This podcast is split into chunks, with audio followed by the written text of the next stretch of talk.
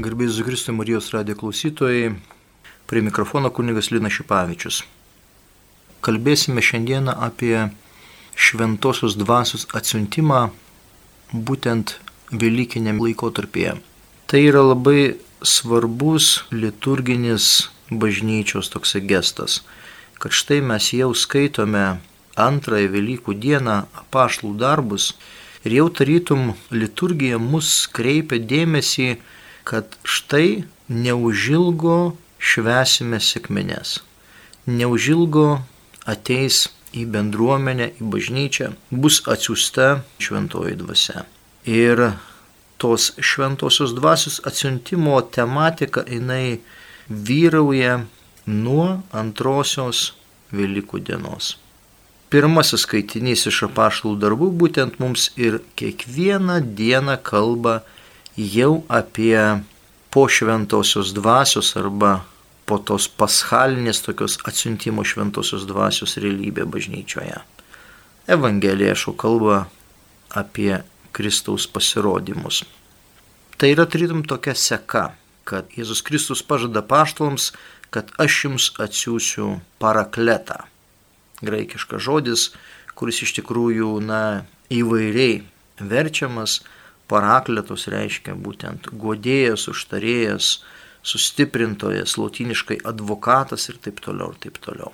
Kai kurios netgi kalbos neįstengia išversti, nes jisai turi nemažą reikšmių ir dėl to pasilieka ties transkripcija graikiško žodžio parakletos arba parakleta, kaip lietuviškai galėtum sakyti, atsiųsiu jums parakletą. Tai yra šventoji dvasia, kuri iš tikrųjų, na, po atsiuntimo veda bažnyčią 2000 metų. Šventoji dvasia ypatingų būdų jinai yra bažnyčioje ir bažnyčia subūriama ir jinai toliau vedama, stiprinama ir paprasčiausia jinai išlieka toje vienoje dvasioje. Norėčiau šiandieną prisiliesti prie keletos tekstų, prie liturginių tekstų, kurie skaitomi mišių metu Ir pirmas tekstas yra iš antrosios Velykų dienos, pirmadienio apaštalų darbai, antras skyrius, 14 eilutė ir nuo 22 iki 32. Sėkminių dieną stojo Petras su 11 ir pakėlęs balsą prabilo. Tai štai antra Velykų diena. Diena prieš mes šventėme Kristaus prisikėlimą tarytum tai yra svarbiausias išgyvenimo momentas, bažnyčios liturgija, bažnyčios gyvenime. Ir štai antra diena, antra Velykų diena, nors iš tikrųjų esame dar ir Velykinėje oktavoje, kas reikštų, kad į pirmą vietą turėtume statyti Kristaus prisikelimą, bet jau pirmasis skaitinys tarytum mums kelia žvilgsnį į ateitį ir sako, žiūrėkite, kas bus. Jau kas mūsų laukia. Mūsų laukia būtent sėkminios, Pentekostas. Tai reiškia, kad po 50 dienų bus atsiusta į mokinių tarpą šventoji dvasia. Ir skaitinys prasideda sėkminių dieną stojo Petras su 11 ir pakėlęs balsą prabilo. Yra tas labai akcentuotinas momentas, kad apašlas Petras tarytum po tų sėkminių jisai perima iniciatyvą. Ir jisai su 11 apaštalų pradeda labai drąsiai katechizuoti susirinkusius Izraelio gyventojus. Petras aiškiai vizualiai matosi kaip apaštų vadovas. Ir tas naujas terminas, kuris taip pat įsilieja į šventą rašto puslapius, tai yra būtent 11. Nes iki judo įskarijoto išdavystės dažnai mes sutikdavome Evangelijose žodį 12. Ir tai yra tas senasis Naujojo testamento terminas 12 dodeka, kuris apibrėžia mokinių būrį, kada vykdoma Naujojo testamento tam tikra teksto kritinė analizė ir kalbama apie evangelijų formavimą, tai štai tas graikiškas žodis dodeka 12 įvardinamas kaip seniausias terminas norint apibūdinti apaštalų būrį. O štai po Judo Iskarijoto išdavystės ir mirties atsiranda naujas terminas 11. Ir apašlas Petras kreipėsi šventosios dvasios atsiuntimo momente. Izraelio vyrai, klausykite, ką pasakysiu. Jėzų Nazarietį Dievo jums patvirtintai galingais darbais ir stebuklingais ženklais, kuriuos per jį nuveikė Dievas jūsų tarpe, kaip patys žinote. Taigi tą vyrą Dievo valios sprendimu bei numatymu išduotą jūs nedorlių rankomis nužudėte, prikaldami prie kryžiaus. Dievas jį prikėlė išvaduodamas iš mirties siaubo, nes buvo neįmanoma, kad mirtis jam viešpatautų. Juk Dovydas apie jį sako, aš visuomet žvelgiu į viešpatį. Jis stovi mano dešinėje, kad aš nesusviruočiau. Todėl pralinksmėjo mano širdis, džiugavo mano lūpos ir mano kūnas ilsėsi su viltimi, jog tu nepaliksi mano sielos mirusių buveinėje ir neduosi savo šventajam supūti. Gyvenimo kelius tu man atvėriai ir pripildysi mane džiaugsmo savo akivaizdoje.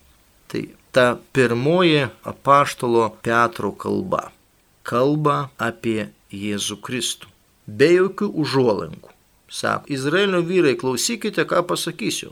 Jėzų Nazarėti Dievo jums patvirtintai galingais darbais ir stebuklingais ženklais, kuriuos per jį nuveikė Dievas, jūsų tarpe, kaip patys žinote, taigi tą vyrą Dievo valios sprendimu bei numatyti užduoti jūs nedorilių rankomis nužudėte, prikaldami prie kryžiaus. Tai yra šventosios dvasios veikimo tokia pedagogika. Apaštlas Petras visiškai nebijo kalbėti Izraelio vyrams. Jisai iš tikrųjų skelbė tą, kaip mes galėtume pasakyti, kerigmą, būtent katechezę apie Jėzaus Kristaus kančią, mirtį ir prisikėlimą ir jį vardina labai įdomiais terminais. Jėzų Nazarėti Dievo jums patvirtinta galingais darbais, stebuklais ir ženklais. Jėzus Nazarėtis arba Jėzus iš Nazareto patvirtinta Dievo jums galybėmis ir stebuklais ir ženklais, kuriuos padarė per Dievas tarp jūsų, kaip patys žinote šitą numatymų, sumanimų ir iš ankstinių žinojimų Dievo išduota rankomis piktadarių prikalę prie kryžiaus nužudėte. Tai be jokių užuolankų, baimių yra kalbama tiesa. Ir tai yra labai svarbus dalykas, nes šventoji dvasia, viena iš jos tokių charakteristikų, tai yra tiesos dvasia.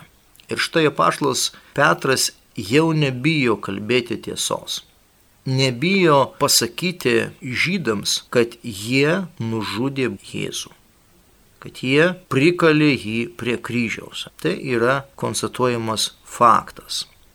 Bet toliau rašo, bet Dievas jį prikėlė, išvaduodamas iš mirties siaubo, nes buvo neįmanoma, kad mirtis jam viešpatautų. Tai čia iš tikrųjų yra ta pirmoji krikščionybės katechezė tai yra, galima sakyti, ir truputėlį apaštalo Pauliaus irgi turinio katechezė. Nes apaštalas Paulius dažnai laiškose ir savo kalbose ir bendruomenėse kalbėjo tokią trumpą, labai aiškę katechezę 15 skyriuje. Pirmas laiškas korintiečiams - Kristus kentėjo, numirė, bet trečią dieną buvo prikeltas. Ir šitoje katechezėje paštas Petras taip pat pakartoja, kas buvo jau mokinių žinoma, kad žydai jį nužudė prikaldami prie kryžiaus, nedorilių rankomis nužudėte, arba galėtume sakyti ir nusidėjėlių rankomis, bet jis prisikėlė. Dievas jį prikėlė, išvaduodamas iš mirties siaubo, nes nebuvo įmanoma, kad mirtis jam viešpatautų graikiškas tekstas gražiai kalba, Dievas prikėlė išlaisvinės iš skausmų mirties, todėl kad nebuvo įmanoma, kad būtų jėga laikomas jis jos. Štai tie prielinksniai iš tikrųjų graikų kalboje yra nuostabus ir jeigu nežinai konteksto, tai nežinai iš viso apie ką čia eina kalba. todėl vertime reikia pridėti tam tikrus daiktavardžius. Štai ta pirma katechezė, pirma dalis jos, puikiai matome esmę krikščionybės, tai yra tikėjimo charizmos, bet tai viskas vyksta po šventosios dvasios atsiuntimo. Ir kada apaštas Petras pasako, kad štai žydai nužudė, prikaldami per kryžiaus, bet Dievas jį prikėlė išvaduodamas iš mirties siaubo, nes buvo neįmanoma, kad mirtis jam viešpatautų, tada antras argumentas yra karalius Dovydas. Juk Dovydas apie jį sako, aš visuomet žvelgsiu į viešpatį, jis stovi mano dešinėje, kad aš nesusviruočiau. Ir tai yra citata 16 psalmė nuo 8 iki 11 eilutės. Aš visuomet prieš akis turiu viešpatį, nesistovi mano dešinėje, kad nesusviruočiau. Todėl pralinksmėjo mano širdis, krikštau mano lūpos ir mano kūnas lisėsi su viltimi, nes tu nepaliksi mano sielos mirusiųjų pasaulyje ir neduosi savo šventajam supūti. Gyvenimo kelius tu man atvėriai ir pripildysi mane džiaugsmo savo akivaizdoje. Tai štai antras argumentas yra karalius Dovydas. Karalius Dovydas Izraelio tautoje ir Izraelio kultūroje buvo labai stipri asmenybė. Jisai yra tapatinamas su Mesiju. Todėl apaštalas Petras, kalbėdamas apie Jėzų ir norėdamas pabrėžti, kad jis yra Mesijas, Jėzus Kristus yra tas Dievo Mesijas, jisai remiasi Dovido autoritetu ir cituoja 16 psalmę, kurioje kalbama, kad jo nesulaikys mirtis. Jisai patirs prisikėlimo arba prikelimo slėpinį. Ir toliau Trečia, kaip galėtume pavadinti tokia dalis, kalba turėjau apie patriarchą Dovydą. Norėčiau jums atvirai pasakyti apie patriarchą Dovydą. Jis ir mirė ir buvo palaitas, o jo kapas yra pas mus iki šios dienos. Būdamas pranašas ir žinodamas iškilmingą Dievo priesaiką, kad jo palikonis užimsės jo sostą, Dovydas visą tai numatė ir kalbėjo apie Mesijo prisikėlimą, kad jis neliksęs mirusiųjų pasaulyje ir jo kūnas nesupūsęs. Ta Jėzų Dievas prikėlė ir mes visi esame šito liudytojai. Štai tai yra tesiama to Seno testamento teologija. Antra Samuelio knyga, septintas skyrius, kuomet per pranašą Nataną viešpas Dievas Dovydui duoda pažadą, kad kils iš Dovydo giminės asmuo, kuris valdys Izraelio tautą amžinai. Jo viešpatavimo nebus galo. Ir apašlas Petras, žinodamas labai aiškiai šitą tradiciją, šitą pranašystę, jisai remiasi savo pirmoje katechezėje. Ir kalba, kad Dievas Jėzų prikėlė ir mes visi esame šito liudytojai. Tai čia irgi labai toksai svarbus momentas, kad apaštalas Petras kalbėdamas apie katechezę kalba apie Kristaus prisikėlimą arba prikelimą ir įvardina, kad jie yra to prisikėlimo liudytojai. Jie iš tikrųjų matė prisikėlusi Jėzų. Dievo dešinės išaukštintas, jis gavo iš tėvo šventosios dvasios pažadą ir ją dabar išliejo. Jūs tai matote ir girdite. Tai yra antras skyrius apašlų darbų 33 eilutė. Tas toksai gražus Dievo galybės arba Dievo stiprybės simbolis yra Dievo dešinė. Taigi Dievo dešinė Jėzų išaukštino. Jis gavo iš tėvo šventosios dvasios pažadą. Mes šiandieną kalbame apie šventąją dvasę ir tai mes matome, kad pirmoje Petro katechezėje yra tampriai susijęta visa trejybė. Dievas tėvas, kuris Kristų prikelia iš numirusių, Jėzus Kristus, kuris yra išaukštintas jo dešinėje ir gauna iš tėvo pažadą, kad bus išlieta dabar šventoji dvasia. Jis gavo iš tėvo šventosios dvasios pažadą ir ją dabar išliejo. jūs tai matote ir girdite. Juk ne Dovydas pakilo į dangų, jis pats kalba. Yra cituojama 110 psalmė, pirmoji lūtė, kuri taip pat yra cituojama paties Jėzaus, kada yra diskusija apie Mesiją. Viešpats tarė mano viešpačiui, sėskis mano dešinėje, aš patiesiu tavo priešus, tarsi pakoji po tavo kojų. Lietuviškas tekstas truputį yra painus, kada mes skaitome viešpats tarė mano viešpačiui.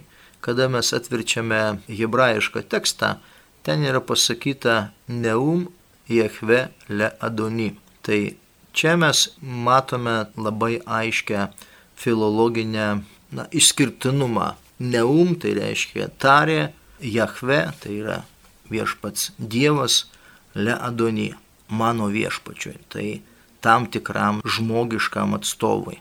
O kada mūsų lietuviškas vertimas Antano Rūpščio sako viešpats tarė mano viešpačiui, tai mes čia nieko nesuprantame, kuris čia viešpats yra Dievas, kuris čia viešpats yra būtent žmogus. O kada mes skaitome hebrajišką tekstą, mes hebrajiškame tekste labai puikiai viską matome. Ten yra žodis Jahve, Dievas ir yra Adony. Kalbant truputėlį apie šitus terminus, hebrajų kalboje Adonai viešpats yra rezervuotas būtent Dievui. Ir dažnai vietoj vardo švento tetragramos keturių raidžių JHVH yra tariama Adonai, o kartais netgi ir rašoma Adonai viešpats. Bet jeigu mes sutinkame hebrajiškame tekste Adony, galūnė, ne ai, bet į, tai rezervuota yra žmogui. Tai vad šitoje 110 psalmėje yra būtent hebrajiškas žodis Adony. Tai reiškia, kad Dievas Jahve taria žmogui Adony. Sėskis mano dešinėje, aš patiesiu tavo priešus, tarsi po kojų, po tavo kojų. Čia labai įdomus šitas momentas, kad žiūrėkime, apaštalas Petras vis dėlto remiasi Davido asmenybė, Davido patirtimi ir Davido psalmėmis, kas leidžia suprasti, kad tais laikais Izraelio gyventojai tikrai buvo susipažinę su psalmių turiniu.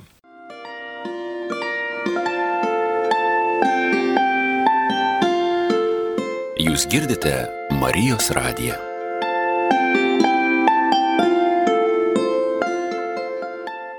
Tegu tvirtai įsitikina visi Izraelio namai, Dievas padarė viešpačių ir mesėjų, tą Jėzų, kurį jūs nukryžiavote. Vėlgi toksai stiprus labai pašlo Petro konstatavimas.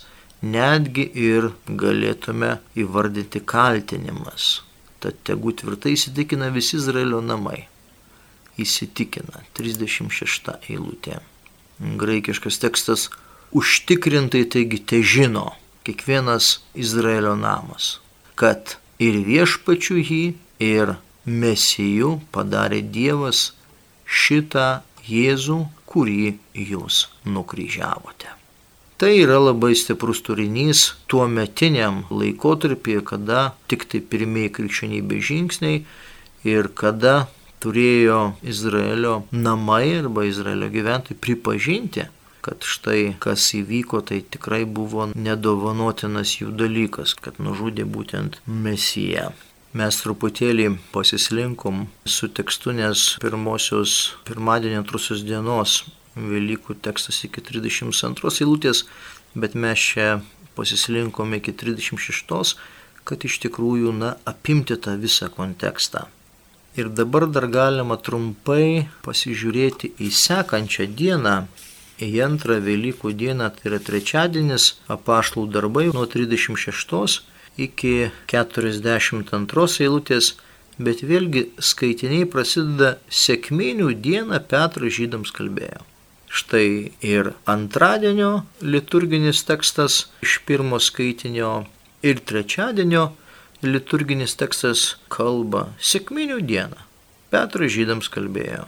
Tegu tvirtai įsitikina visi Izraelio namai, Dievas padarė viešpačių ir mesijų tą Jėzų, kurį jūs nukryžiavote. Mes kaip tik apie šitą jau truputėlį kalbėjome. Tai išgirdę žmonės susigaudino ir ėmė klausinėti Petrą bei kitus apaštus, ką mums dabar daryti. Nuo 37 eilutės pavadinimas skirelių yra atsivertimų banga. Tie žodžiai verte vėrė jam širdį ir jie ėmė klausinėti Petrą bei kitus apaštalus. Ką mums daryti, broliai? 37 eilutė labai yra įdomi terminas pervėrė širdį arba galima sakyti persiverė savo širdį. Mūsų skaitiniuose yra susigaudino, susigaudino, o štai čia yra persiverė savo širdį ir pasižiūrėkime, ką iš tikrųjų mums duoda filologija. Graikiškas terminas kateniugesan, ten kardijan, persivirė savo širdį. Tai yra išgaščio metafora. Galimi vertimo variantai.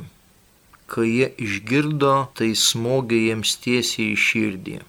Arba kai jie išgirdo, tarsi duris perėjo jiems per širdį. Bet matome tą sinonimiką arba ta tokia perifrazė, jinai kalba, kad tie klausytojai, apašlo Petro, jie paėmė tai į širdį. Jie tai su rimtumu visų klausė. Na ir iš karto kyla baimė. Ir užduoda klausimą, ką turėtume daryti vyrai broliai. Arba ką mums daryti. Ir Petras jiems atsako, atsiverskite ir kiekvienas te pasikrikštyje vardan Jėzaus Kristaus, kad būtų atleistos jums nuodėmės tada gausite šventosios dvasios dovaną.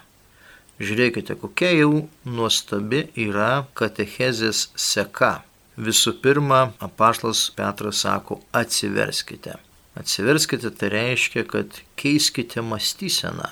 Ir tik tai po atsivertimo kiekvienas tebūnie pakrikštintas Jėzaus Kristaus vardu, kad jam būtų atleistos nuodėmės. Krikštas reikalingas saugusiam žmogui tam, kad jisai įžengtų į krikščionių bendruomenę, bet taip pat, kad jam būtų atleistos nuodėmės. Ir tik tai tada gausite šventosios dvasios dovaną.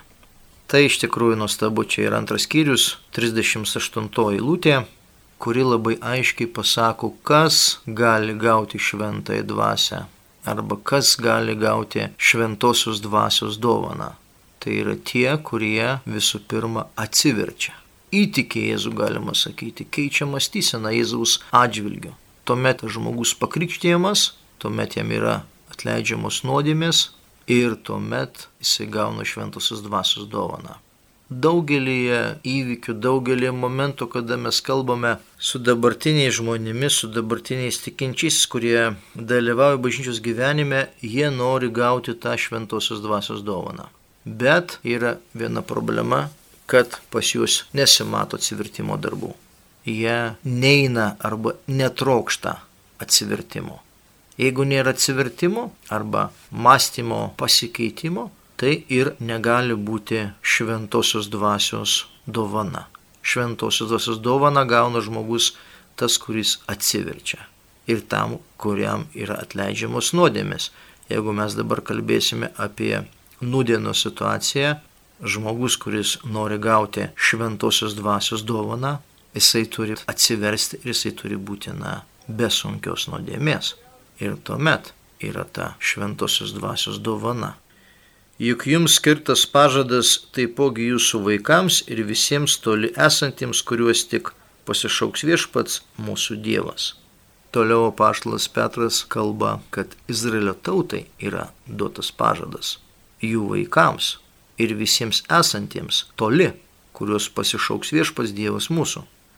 Tai reiškia visai tautai, nesvarbu, kur jie gyvena, bet jiems yra duotas pažadas. Dar daugeliu kitų žodžių jis primiktinai ragino juos ir sakė, gelbėkitės iš šitos iškrypusios padirmės. Kitais žodžiais gausiai paliūdijo ir prašė juos sakydamas, gelbėkitės iš kartos iškrypusios šitos. Pažiūrėkite, irgi čia labai įdomus momentas 40 eilutėje, antros skyriaus. Mūsų liturginė tekste sako dar daugeliu kitų žodžių jis primiktinai ragino. o graikiškas tekstas sako gausiai paliudijo. Tai daug aiškiau mums pasako, kad Petras, kuris skelbė jau sėkminių katechezę, taip pat liudija. Katechezės skelbimas, Dievo žodžio skelbimas yra neatsiejamas momentas su tuo paliudimo momentu. Mes girdėjome, kad apaštas Petras sako, mes esame to prisikėlimo liudytojai. Negalima kalbėti apie tai, ko nematėjai. Ir dabar mums kyla klausimas, na gerai, apaštas Petras matė gyvą Jėzų, matė mirusį Jėzų, matė prisikėlusį Jėzų. Mes nematėme ne gyvenančio žemėje, mes nematėme numirusio ir mes nematėme prisikėlusio. Ir čia tada tas bažnyčios tolimesnis yra kalbėjimas, remiantis Jono Evangeliją, kad palaiminti tie, kurie nematė tiki. Taigi sekantis žingsnis link šventosios dvasios dovanos tai yra tikėjimas. Tikėjimas ir troškimas gauti šventosios dvasios dovaną, kuri ateina ypatingų būdų į krikščionių bendruomenę per šventosios dvasios atsiuntimo šventę per sėkmines. Ir toliau čia paskutinis sakinukas, kurie priėmė žodį, buvo pakrikštinti ir tą dieną prisidėjo prie jų apie 3000 asmenų. Pažodžiu yra sielų, bet mes turbūt verstame, kad tai yra asmenys. Tai yra žmonės, kurie na, klausė katechezę ir mes matome, koks yra rezultatas.